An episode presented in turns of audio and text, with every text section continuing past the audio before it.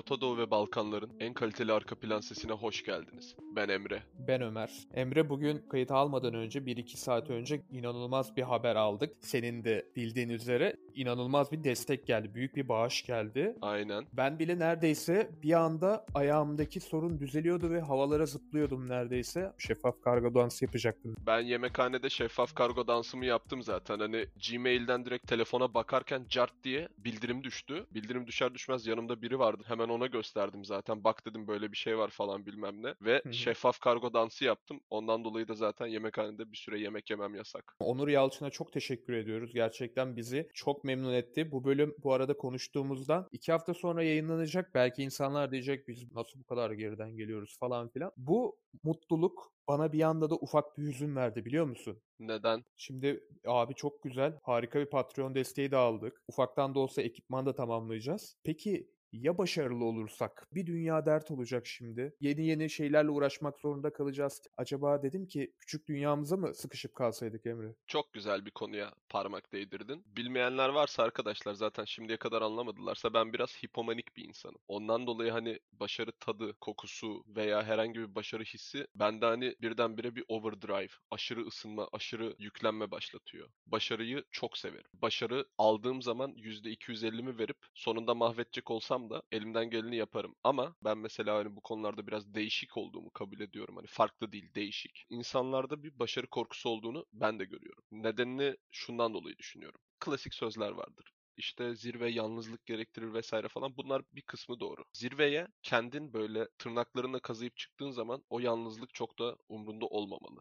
Ama genel olarak insanlarımızda hatta dünya insanlarında bir başarı korkusu var. Çünkü sırtlarına bir hedef tahtası koyuyor. Ben hedef tahtasını severim. Tabağımın dolu olmasını da severim. Bu bir Amerikan sözüdür. Hani tabağımda çok şey var diye bir sözleri vardır. Her şeyi bir anda halledemiyorum. Ben bunu şöyle düşünüyorum. Benim amacım yemek yemekse köpek gibi açsam tabağımda çok şey olması benim için iyi bir şey. Genç yaşlarımızdayız. Ben 26'mı doldurmamı bu kaydı alırken 2 ay falan var. Ondan dolayı hani bu yaşlarımda da köpek gibi çalışmayacaksam, her şeyi risk etmeyeceksem ne zaman edeceğim? Arkadaşlar bu çoğunuz için geçerli. Dinleyici kitlemizin %80'i için geçerli. 5 kuruş bir mal varlığınız yok. Şu an cebinizde ailenizin verdiği para, anılarınız, bu kadar. Üzerinize zimmetli hiçbir şey yok. Yani zaten kaybedeceğiniz şeyler aslında çok da büyük değil. Hani böyle gidip aa hocam ben bu okulu sevmiyorum falan deyip üniversiteden atılın demiyorum. Hani bu kadar da abartmayın ama maddi olarak kaybedebileceğiniz şeyler çok sıkıntılı. Ondan dolayı risk almanız gereken, %250 çalışmanız gereken yaşlardasınız. Ama benim özellikle Z kuşağında gördüğüm şey başarılı olma korkusu. Herkes ama herkes denk geldim. Şimdi hani artık bana kardeşimden de ufak oldukları için biraz çocukça geliyor tabii de. Hani başarılı olmak için elinden geleni yapmaktan korkuyor. Sence niye Ömer? Şöyle bir örnek vereyim sana. Benim annem babam bana zorbalık hiçbir zaman hayatımda yapmadı. Başarısız olduğum ya da belli bir şeyi kesinlikle hissettirmedi. Fakat şu durum çoğu insanın başına geliyordur. Mesela sınavdan bir çocuk 95 alıyor abi. Öğle arasında mutlu bir şekilde eve dönüyor. Ailesiyle paylaşıyor bunu. Alt tarafı bir sınav değil mi? Annesi diyor ki neden 100 almadın? Ya da işte bir dahakine 100 alırsın falan filan. Böyle yaptığı zaman bana kalırsa bir çocukta giderek sonraki yaşlarına da sarkan bir başarılı olma korkusu geliyor. Çünkü o başarı ona yeterli olmayacağını düşünüyor. Daha fazlasını başarmaktan da korkabilir bir çocuk olarak. Ben bir çocuk olarak bir örneğini verdim. Bir de başarı da çok relatif bir kavram ya. Senin için bir başarı başkası için hani hiçbir anlam ifade etmiyor olabilir. Önce şunu örnek vereyim. Mesela bir TikTok yıldızı 10 milyon takipçisi var. Hani sen bu insanı gerçekten dikkate alır mısın mesela? Ama başarılı değil mi? Öyle. Mesela bak benim sosyal medya konusunda başarılı olarak gördüğüm ve takdir ettiğim isimlerden biri Jahreyn abi. Jahreyn geçen gün kendi ekibini kurup podcast açtı ve ilk bölümünü attı. Ve büyük bir ihtimalle şu an hani verilere bakmadım ama bizden daha fazla izleniyor ve dinleniyor olacaklar kısa sürede. Çünkü bu adamların bir arka plan başarısı var. Ondan dolayı bu başarının üstüne bir şey kurdukları için bazal yani minimal en alt tabaka başlangıçları bizden çok çok yüksek. Biz kendimizle Jahreyn'i karşılaştırırsak şu an kendimizi inanılmaz başarısız göreceğiz. Ama biz sıfırdan başladık. Mesela ondan dolayı başarının relatif olması örneği burada geçerli. Senin dediğin şu konuya da katılıyorum. Hani özellikle çocukken ailelerimiz bizim için en iyisini istediğinden dolayı hani kesinlikle onları da burada dis atmıyorum veya kötü bir söz söylemiyorum hepinizin ailesine. Daha iyi olmamız için 95'in 100 olmasını istiyorlar. Bu hani benim ailemde de olan bir şeydi. Kardeşime de yapıldı. Çevremdeki hani başarılı çocuklar yani lisede de sık sık insanların başına gelen bir şeydi. Çünkü kendileri zamanında yapmadıklarını bizim yapmamızı istiyorlar. Basit bir şekilde senin hayatın aslında kendini bulana kadar hani 20'li yaşlarının ortasına falan denk geliyor bu. Babanın hayalleridir. Veya annenin. Artık yetiştirici bireyin diyelim. Çünkü hani cinsiyete bağlı roller biraz daha değiştiği için modern dünyamızda. Seni yetiştiren aile ferdinin hayallerini yaşıyorsun belli bir zamana kadar. Mesela o okumadıysa senin okuman için %250 çaba sarf ediyor. Onun her başarısızlığını sen yaşama diye kendi başarısızlıklarını senle kompanse etmeye yani hani gidermeye çalışıyor. Başarısızlık korkusu zaten buradan geliyor. Çünkü bir önceki jenerasyon senden daha başarısız. Genel olarak kural budur. Her bir jenerasyon kendini daha iyiye çıkartır aile içinde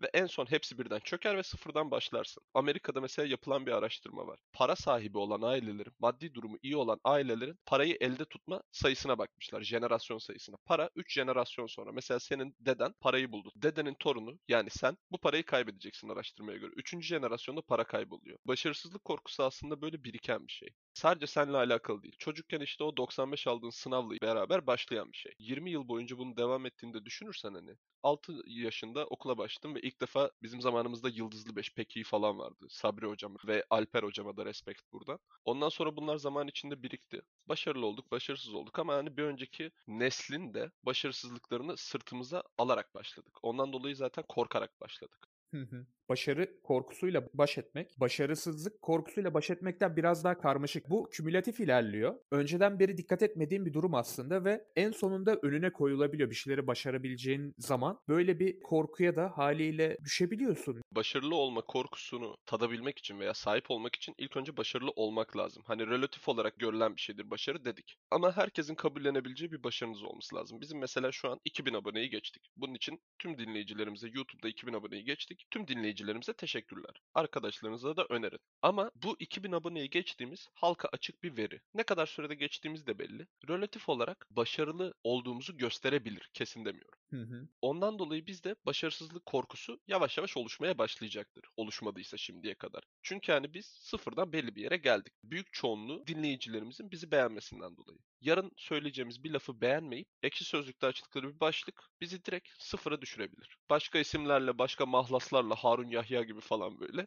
Hani sıfırdan başlamak zorunda kalabiliriz. Ama başarısızlık korkusu bence öyle değil. Şimdi mesela bence bir insanın kendi başarı kıstasını bulması çok önemli. Çünkü sen eğer istemediğin yoldaysan abi Bak kişisel gelişim kitabı gibi konuşayım. Eğer istemediğin yoldaysan orada başarılı olma korkun birazcık daha fazla olur. Çünkü kendi kendini sorguluyorsun demektir bu aynı zamanda. E bir yanda istemediğin bir şey üzerine de gidiyor olma ihtimalin var. Hani kendi yolundan memnunsan başarılı olup olmamandan çok aslında gittiğin yoldan keyif almak çok daha kafanda dönüyor olması lazım bana kalırsa. Bu da çok doğru bir şey. Bununla ilgili direkt hatta paraphrasing yani direkt başka bir insanın söylediğini ağızdan örnek alıp anlatma şeklini kullanacağım. Instagram'da da paylaştım. Benim çok sevdiğim bir spor yorumcusu vardır. Colin Cowherd. Bu adam sporla ilgili bir şeyleri anlatırken sokakta karşılaşabileceğin durumları anlatarak kullanır. Mesela bir örneği vardır onun bu konuyla ilgili. Sen diyor eğer zengin bir aileden geliyorsun. Ivy League yani Amerika'nın en iyi 8 üniversitesine Ivy League denir. Sarmaşık ligi gibi düşün tam çevirisi yani. Böyle çok elit üniversitelerin adıdır. Sen Ivy League bir üniversiteye gitmişsin. Babanın parası var. Zaten güzel bir şirketiniz var. E sen oradan mezun olduktan sonra 6 haneli bir maaş alıyorsan bu çok büyük bir başarı değildir. Çünkü zaten senin yapman gereken şey minimum bu civarlardadır diyor. Ama sen diyor gettodan gelen bir sporcusun.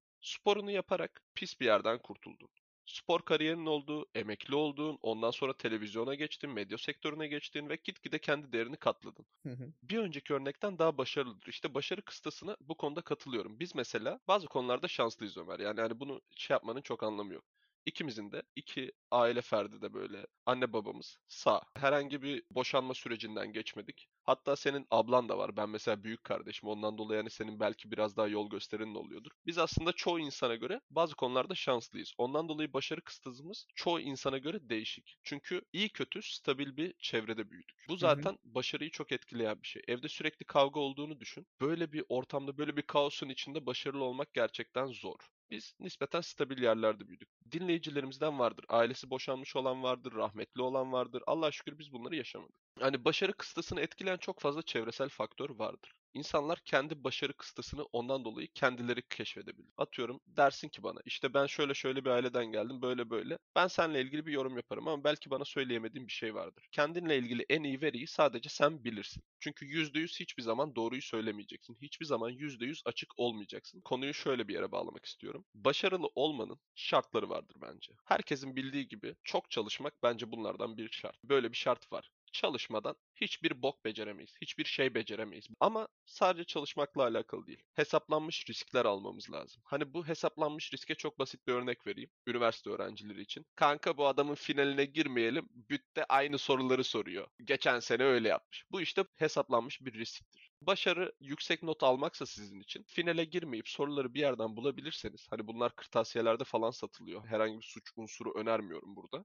Üniversitenizde kırtasiyede final soruları satılıyordur. Bütten yüksek alırsınız bütünleme sınavından. Çünkü soruları zaten biliyorsunuz. Cevaplarını ezberlersiniz. Aynı soruların sorulması için dua edersiniz ve girersiniz. Bu hesaplanmış bir risktir. Hocanın davranışının belli bir paterni var, belli bir örgüsü var ve siz bu örgüye güvenerek böyle bir karar alırsınız. Başarının şartlarından biri kesinlikle hesaplanmış risktir. En önemli şartı da cesur olmaktır. Cesarettir bence. Katılıyor musun buna? Takipçi bölümümüzde şunu demiştim ya. Ben 18 yaşına dönseydim doğru şekilde düşünmeyi öğrenip doğru aksiyonu almak isterdim. Aslında tamamen bundan dolayı. Hani sen çok çalışkan birisi olabilirsin ama o çalıştığının hakkını alamayabilirsin hayatta. Aslında bu da tam dediğinden dolayı nerede neyi yaptığını bilmekten kaynaklanan bir durum olduğunu düşünüyorum. Yani dediklerine kesinlikle katılıyorum. Cesaret, çok çalışmak, bir de dönemin şartlarına göre düşünmek çok önemli. Geçenki bölümde de şöyle söylemişti mesela Onur abi. Demişti ki kendi yaşadığın taraftan değil de biraz daha geniş. Yani Dışarıdan büyük resmi görmen lazım. Evet evrensel şekilde düşünmen lazım. Şu an bak inan Emre ben şu an oturduğum yerden hayatı düşünürsem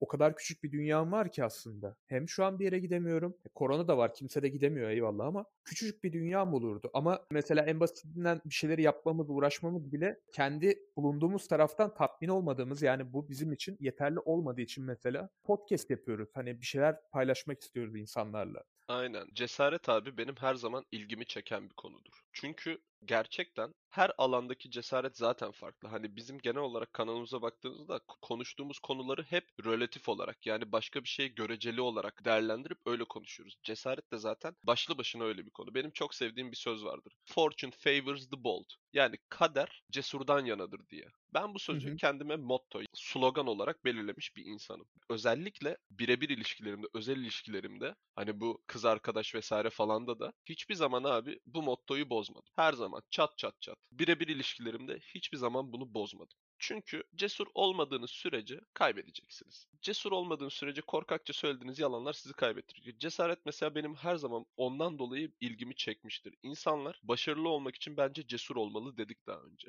Bazı insanlar şunu anlamıyor. Cesaret bir anda göğsümü kabartayım da herkesin önüne çıkayım, istediğim her şeyi yapayım. Sen o korkuları yaşamadan, belli tecrübeleri edinmeden de zaten bazı şeylerden korkmama ihtimalin yok. Daha ünlü bir söz de vardı hatırladım. Üzerine gidebilmek gerçek cesaret değil mi? Korkmamak değil bir şey. Kesinlikle abi. Korkmamak değil, üzerine gidebilmek. Mesela ben şimdi hani o konuda şanslıyım. Hani Bursa'da oturuyorum. Bursa'da böyle şeyler yoktur ama mesela ben Çatalca'da çocukken de hatırlıyorum. Ya bu ne biçim tişört, bu rengi ne? Sen işte erkekle seks yapan erkek misin falan diyorlardı. Şimdi tıpta biz homoseksüaliteye falan o şekilde hitap ediyoruz. Kolorektal cerrahide. Bu tarz ithamlarda bulunuyorlardı abi. Hafif kavruk bir tenin olur. Pembe tişört mesela yakışır ona. Bu mesela basit bir cesarettir. Şimdi hani zaten artık modern kültürden dolayı yani erkeklerin tight giymesi caizdir falan tarzı şeyler olduğu için biraz daha hani eskiye şey yapıyorum. Yani benim çocukluğuma şey yapıyorum. Mesela dinleyicilerimiz böyle hani öyle bir dünya var mıymış falan. Hani sizden bir 8 yaş falan büyük olduğum dinleyicilerim var. Hani cesaret dediğin gibi üzerine gitmektir. Sadece hani bir merminin önüne atlamak cesaret değildir abi bence. Kurşun geçirmez yeleğin yoksa öleceksin. Olsa bile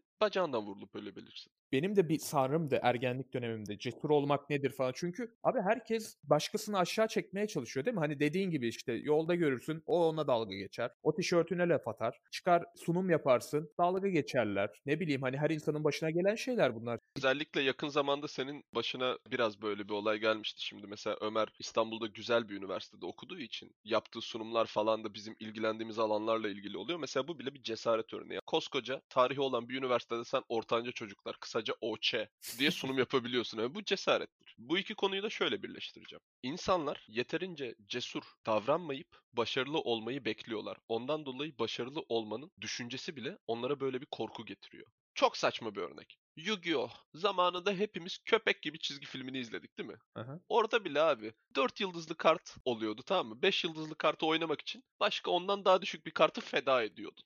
Ay bak çok basit bir kart oyunu. O bile diyor ki dur kardeş hani sen bu kadar güçlü bir şeyi sahaya süremezsin. Destende her zaman mavi gözlü beyaz ejder olsun istersin ama o sadece kaybada olur. Aynen o sadece kaybada var. Kaybada onu oynayabilmek için iki tane canavarını feda etmek zorunda. Hani elinden bir şeyler kaybetmek zorunda. Ya bakın çok basit bir çizgi filmde bile böyle bir prensip var. Kaybada başarılı bir insan. Hani Yugi'yi hiçbir zaman yenemiyor ama başarılı. Çünkü Yugi'deki kartlar biraz biliyorsun yani Exodia'dır, eski tanrılardır falan. Hani Joy gibi andavalı olmayın arkadaşlar. Ne yaparsanız yapın Joy'u olmayın. Ya Kayba ya Yugi olun. Bak Kayba her şeyini riske atıyor. Sürekli yenilse de riske atıyor. Konuyu toparlayacaksak. Hani cesaret abi böyle her şeyin önüne atın bütün sorumlulukları alın falan filan değil. İstediklerinizi yapmak için cesur oldan kastımız. Tam çalışkan olursun, başka şeyleri yerine getirsin. Atıyorum dedin ya geçen sunum yaptım falan dedin. Hani ben hiç korkmadım mı mesela?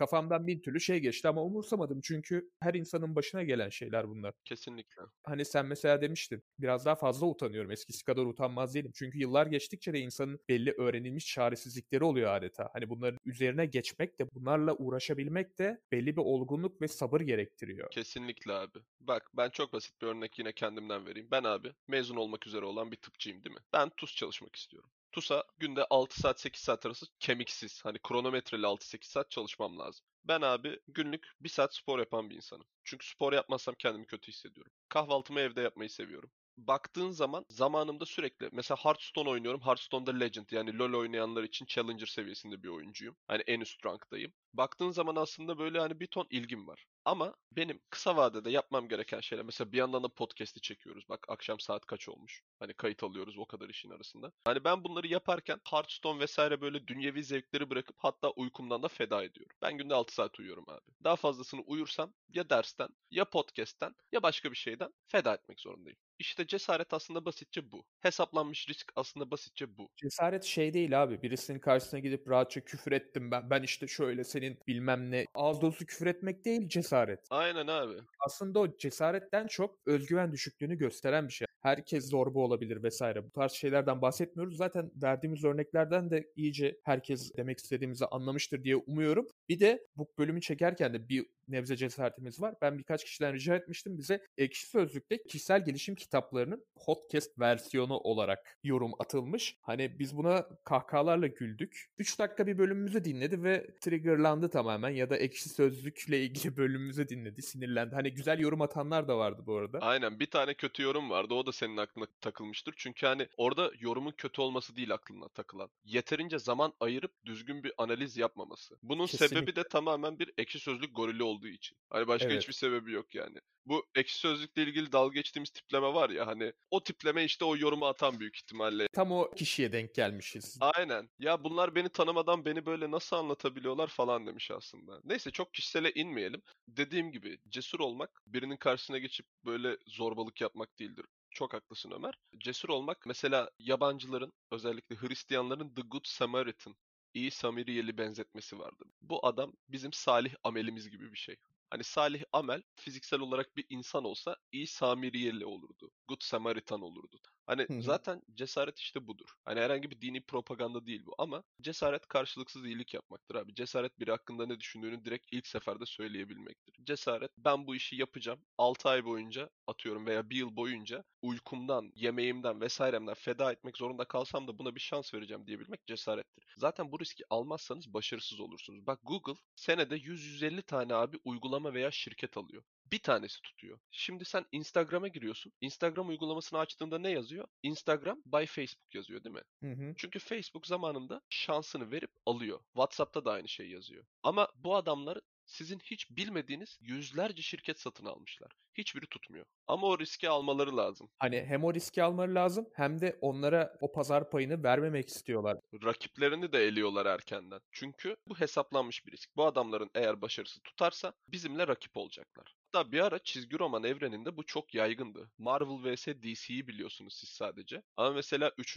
4. parti çizgi roman şirketleri yavaş yavaş yükselişte. Eskiden abi hatta bir ara hangi karakterde hatırlamıyorum. Marvel'ın veya DC'nin almasını hükümet yasaklıyor. Diyor yeter sizin pazar payınız olmuş. Neredeyse pazarın 3'te 2'si sizin. Hani daha ne yapacak? Adamlar arkada Iceman falan çiziyorlar. Adam eriyor, donuyor, eriyor, donuyor. Kimse okumuyor. Yeter abi falan diye hani karakteri satın almayın diye hükümetle anlaşamadılar. Pazar payını da böyle engelleyip aslında güzel bir strateji uyguladı. İşte bu hesaplanmış bir risk ve cesaret örneğidir abi. Mesela kimisi de gidip hayallerini işte iyi tamam ben beklediğimden iyi para verdiler deyip satıyorlar. Onu yapan kişi de tamamen olaya zaten maddi başlamış demektir ki bir anda olayı böyle kestirip atabiliyor biraz daha para falan kazanınca. Tabii ki de mesela bu coğrafyada ama bir tık da anlarım ben. Tabii ki ben de anlarım. İki bölümden birinde refahın ve paranın önemini konuşuyoruz aslında değil mi? Aynen istemsiz olarak konuşuyoruz. Çünkü yetiştiğimiz coğrafi koşullarda hani çevre şartlarında ve biz Türkiye'nin çoğuna göre aslında iyi bir durumdayız. Beyaz Türklük yapmaya gerek yok. Sadece bizim değil. Halkın vesaire hani sorunlarına böyle bağnaz insanlar değiliz. Ondan dolayı istemsiz olarak ağzımızdan çıkan şeyler bunlar. Hani bunları söyleyebilmek bile aslında cesarettir. Çünkü bizim tuzumuz kuru abi. Hani biz böyle bir şey yapmasak bile iyi kötü bir rotamız var. Bu işe başlamak bile bir cesarettir. Hani cesaret örneği çevrenizde çok vardır. Kendi ailenizden bile bir ton örnek bulursunuz. Ben spor yaparken abi akşam tavuğu haşlardı annem. Kadın ondan sonra sabah ben kalkıp yolacağım falan şimdi tavuğu hani dolaptan çıkartıp saklama kutusuna koyacağım. Kadın ben yarım saat daha fazla uyuyayım diye falan böyle hani sporda yapmaya çalışıyorum ya bir yandan. Erkenden kalkar yapardı abi işte hani sporcu olmayacağım bir şey olmayacağım aslında. Tamamen kişisel zevkim ama kadın belki buradan da bir şey çıkardı. Yani bir cesaret örneği gösteriyor. Benim gözümde bu cesarettir. Hani sen mesela abi hayatını spora verdin. Sürekli risk aldın. Risklerinden birinde biraz bir tatsızlık yaşadın. Seni bir sürede geriye götürdü bu. Şu anki durumda da iyileşme sürecindesin. Ama mesela bu risk alınması gereken bir risk abi. Başarılı olmak isteyen insanlar korkak olmamalı. Başka türlü hiçbir şekilde başarılı olmayacaksınız. Bir olayı en azından baktığında avantajları, dezavantajları ya da bu bana ne kaybettirir, karşında ne kazandırır, bu riske girmeye değer mi diye sorup da bir şeye başlamak çok değerli. Bence de. Ama mesela bazı konular geliyor abi. Sadece saf bir cesarete sahip olmanız gerekiyor. Başarılı olup olmayacağınızı bilmiyorsunuz abi. Özellikle birebir ilişkilerde ben bunu çok görüyorum. Şimdi artık hani kültürden dolayı hani insanlar birbirlerine oyun oynayıp direkt ne düşündüğünü çok söylemiyorlar. Ben söylerim. Benim hiç umurumda olan bir şey değildir bu. Eskiden şey vardı. Çıkma teklif etme falan. Ama şimdi çıkma teklif etmek diye bir şey. Mesela bir kadına çıkma teklif etse hani red yersin muhtemelen ama oyunu böyle kuralına göre oynarsa karşındaki sana ilgisi varsa kazanırsın. Seni hiç tanımasına bile gerek yok. Ya ben tanımasa bile söyleyebilen bir insanım. Benim kaybedecek bir şeyim yok. Zaten tanımıyor. Hani normalde abi bu işin bile kitabı nedir? Tanışırsın, flört edersin, olursa olur, olmazsa olmaz. Ben abi mesela bu konuya çok fazla inanmıyorum.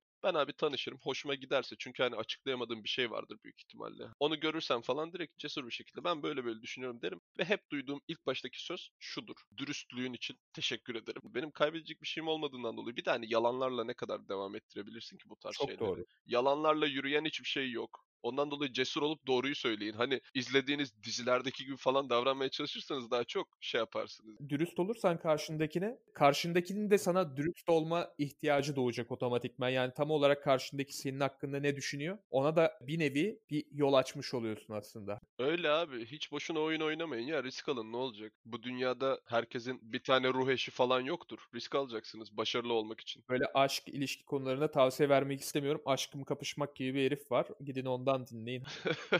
Başarıdan kastımız burada ilişki değil. Ergenlikteki bir ilişki belki dünyanın en zor denkleminden daha karmaşık olabilir bir insanın gözünde. Ya da o kişi hadi bir de benim yerime girin de deneyin falan diyebilir. Aynen o risklere neyse girmeyelim ama bu konuyu biraz açmak bile bir cesaretti öyleyse deyip kapatalım yani bu kısmını. Evet biz hep hobi olarak yapıyoruz ama bugün aldığımız Patreon desteği de bizi çok mutlu etti ve daha güzel şeyleri yapmak için bizi de cesaretlendi diyebilirim. Patreon destekleri için Onur Yalçın'a bize büyük destek verdiği için çok teşekkür ediyoruz tekrardan ve Rabia Bayram'a çok teşekkür ediyoruz. Aynen. Bana şeffaf kargo dansını iki defa yaptırdıkları için ikisine de teşekkür ederim. Arkadaşlar Patreon'da sınırlı bir teklifimiz var. Podcast'te sponsor olmak istiyorsanız Patreon'umuza tıklayın. Tüm bilgiler yazıyor. Sadece iki tane sponsor alacağız. Çünkü burayı çok fazla dülüye edip karma karışık bir hale getirmek istemiyorum. Onun dışında salak saçma hikayeleriniz için de Gmail'imiz açık. Danışmak istediğiniz her şey için. Çünkü ben izleyici bölümünü çok beğendim. Bunu hatta fırsat olursa düzenli bir şekilde yapmak istediğimi tekrar belirtiyorum. Gününüzü neşelendirmek için çoğu zaman buradayız. Farklı bir bakış açımız var. Düzenli dinleyicilerimize de bak eskiden beri düzenli dinleyicilerimizden de ben birkaçına shout out atmak istiyorum. Şu an aklıma kim geliyor? Mesela Hülya Köse abi her videomuza yorum atıyor. Ellerinden öperim. Tahminen benden yaşça büyük bir insan. Yorum yazışından dolayı öyle düşünüyorum. Gençler diye sesleniyor bize. Mukaddes Ergül biz daha sıfırlardayken falan bize patron olmak istemişti ama biz teklifini reddettik çünkü henüz atanamamış bir öğretmen. Onun dışında ilk baştan beri bölümlerimizi paylaşan arkadaşlardan başka kim var? Damla Dereli'ye çok teşekkürler. İrem The Son Çare. Ona da shout out. Her bölümümüzü paylaşıyormuş. Alara Arasan. Ona da shout out. En fazla dinlediğim podcastler sırasında dördüncü sıraya girmişiz. Mahmut Gündüz. Ona da shout out abi. Her bölüm paylaştıktan sonra DM'den yazıyor. Nisa Çelik'e teşekkürler. Senin kardeşin Uğurcan'a çok Uğurcan. Güven. Kendi kardeşimi unuttum bak. Unuttuğum olmasın diye hatta Instagram'dan tekrar bakacağım. Özlem Avcı. Arsen Demiroğlu okuldan arkadaşım destek oldu. Teşekkür ederim. Yasin Çiçek, Sude Pakalın. Hepinize çok teşekkür ederim. Baha Yavaş. Respect. Baha'ya selamlar. Elif Yavuz vardı. Teşekkürler. Begüm Yere Bakan. Hüseyin Oğuz Çift Süren. Hamdi Karalar. Fatih Selim. Emre Erden. Mert Evirgen. Rıza Can Özen. Raşit Kerim. Okan. Nurşah Aykaç. Mert İskipçi. Kerim Necati Ünlü, Vildan Kaya, Simge Aldıbaş, Melih Şahin, Gaye Karaca, Anar Murat, Ali Husten, Ümit Darde, Kevser Kartal, Elif Kaya, Bilge Tekeli, Onur Bingöl, Fatma Nur Karaman, Aslı Acunal, The Zen, Tahir Yürek. Hepinize çok teşekkür ederiz. Hikayenizde bizi paylaştığınız için. Unuttuğumuz varsa da söylesin abi. Bir sonraki bölümde de ona shout out atalım. Aynen öyle. Sakın unuttuğumuzu düşünmeyin. Biz hepsini okuyoruz, görüyoruz. Çok çok hoşumuza gidiyor. Yaptığınız hikaye paylaşımları lütfen yapmayanlar da arkadaşlarına önersin podcast dinleyen arkadaşları varsa. Biz boş zamanlarımızda Discord'a giriyoruz. Boş yapmak için Discord'umuza da gelin. Kanalın altında linki bulunuyor Discord'un. Çok teşekkür ederiz. Dediğimiz gibi özellikle böyle ismini belirtmediğimiz ve bize bozulan varsa belirtsin. Ortancı Çocukların bir bölümünün daha sonuna geldik. Ben Ömer. Ben Emre. Kendinize çok iyi bakın. Hoşçakalın. İyi günler.